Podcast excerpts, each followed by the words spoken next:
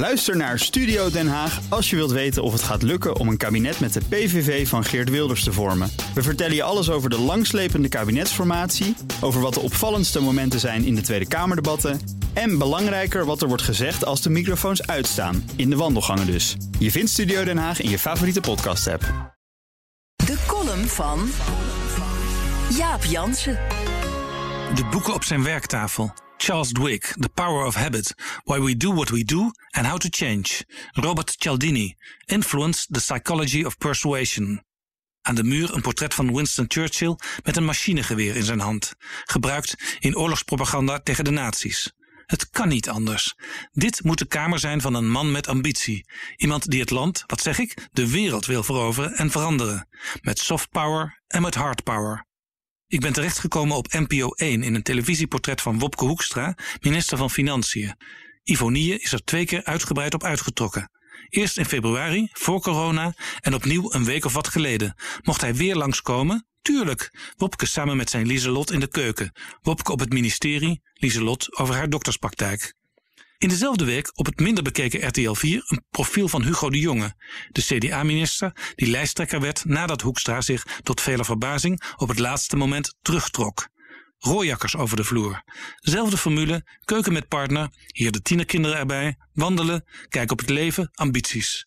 Art overhandigt de jongen een taart in de vorm van een bloemschoen, zijn bijnaam in de Haagse wandelgangen. Maar het opvallendst is toch dat zeer uitgebreide, 49 minuten lange portret van Hoekstra. Hier staat een politicus, pardon Mr. Churchill, een leider, die nog niet klaar is. Ik moet denken aan Hoekstra's Berlijnse Humboldtreden, aan zijn H.J. schoollezing en al die andere hints en voorzetten op weg naar het partijleiderschap waarop in de CDA-top gerekend werd, in elk geval gehoopt. Ik ben toch meer een bestuurder dan een volksvertegenwoordiger, zei hij op de deadline en iedereen dacht, wat wil hij nu? Vertrekt hij binnenkort helemaal?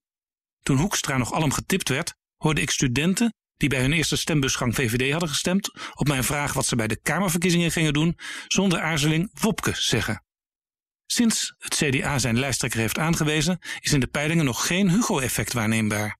Ook de opmerkelijke combi met running mate Pieter Omtzigt helpt nog niet. De troepen verkeren nog niet in de hoogste staat van paraatheid. In het radioprogramma Haagse Lobby hoor ik deskundigen de jongen wegzetten als het broertje van Rutte. Op persconferenties mag hij nog wat aanvullen, als het al geen herhaling van zetten is. Bij Rutte heb ik het idee dat hij het zelf bedenkt, bij de jongen dat hij het voordraagt. Het is te glad, daarom geloof ik hem niet, zegt communicatiedeskundige Mark Oosterhout. De kritiek op het coronabeleid raakt de jongen meer dan Rutte. Veel beloftes zijn niet of te laat uitgekomen. De Onderzoeksraad voor Veiligheid bekijkt hoe de crisis is aangepakt. In het CDA zijn ze er niet gerust op. Gelukkig hoeven ze pas op 1 februari bij de kiesraad de kandidatenlijst in te leveren. Er is altijd nog Wopke met het machinegeweer aan de muur.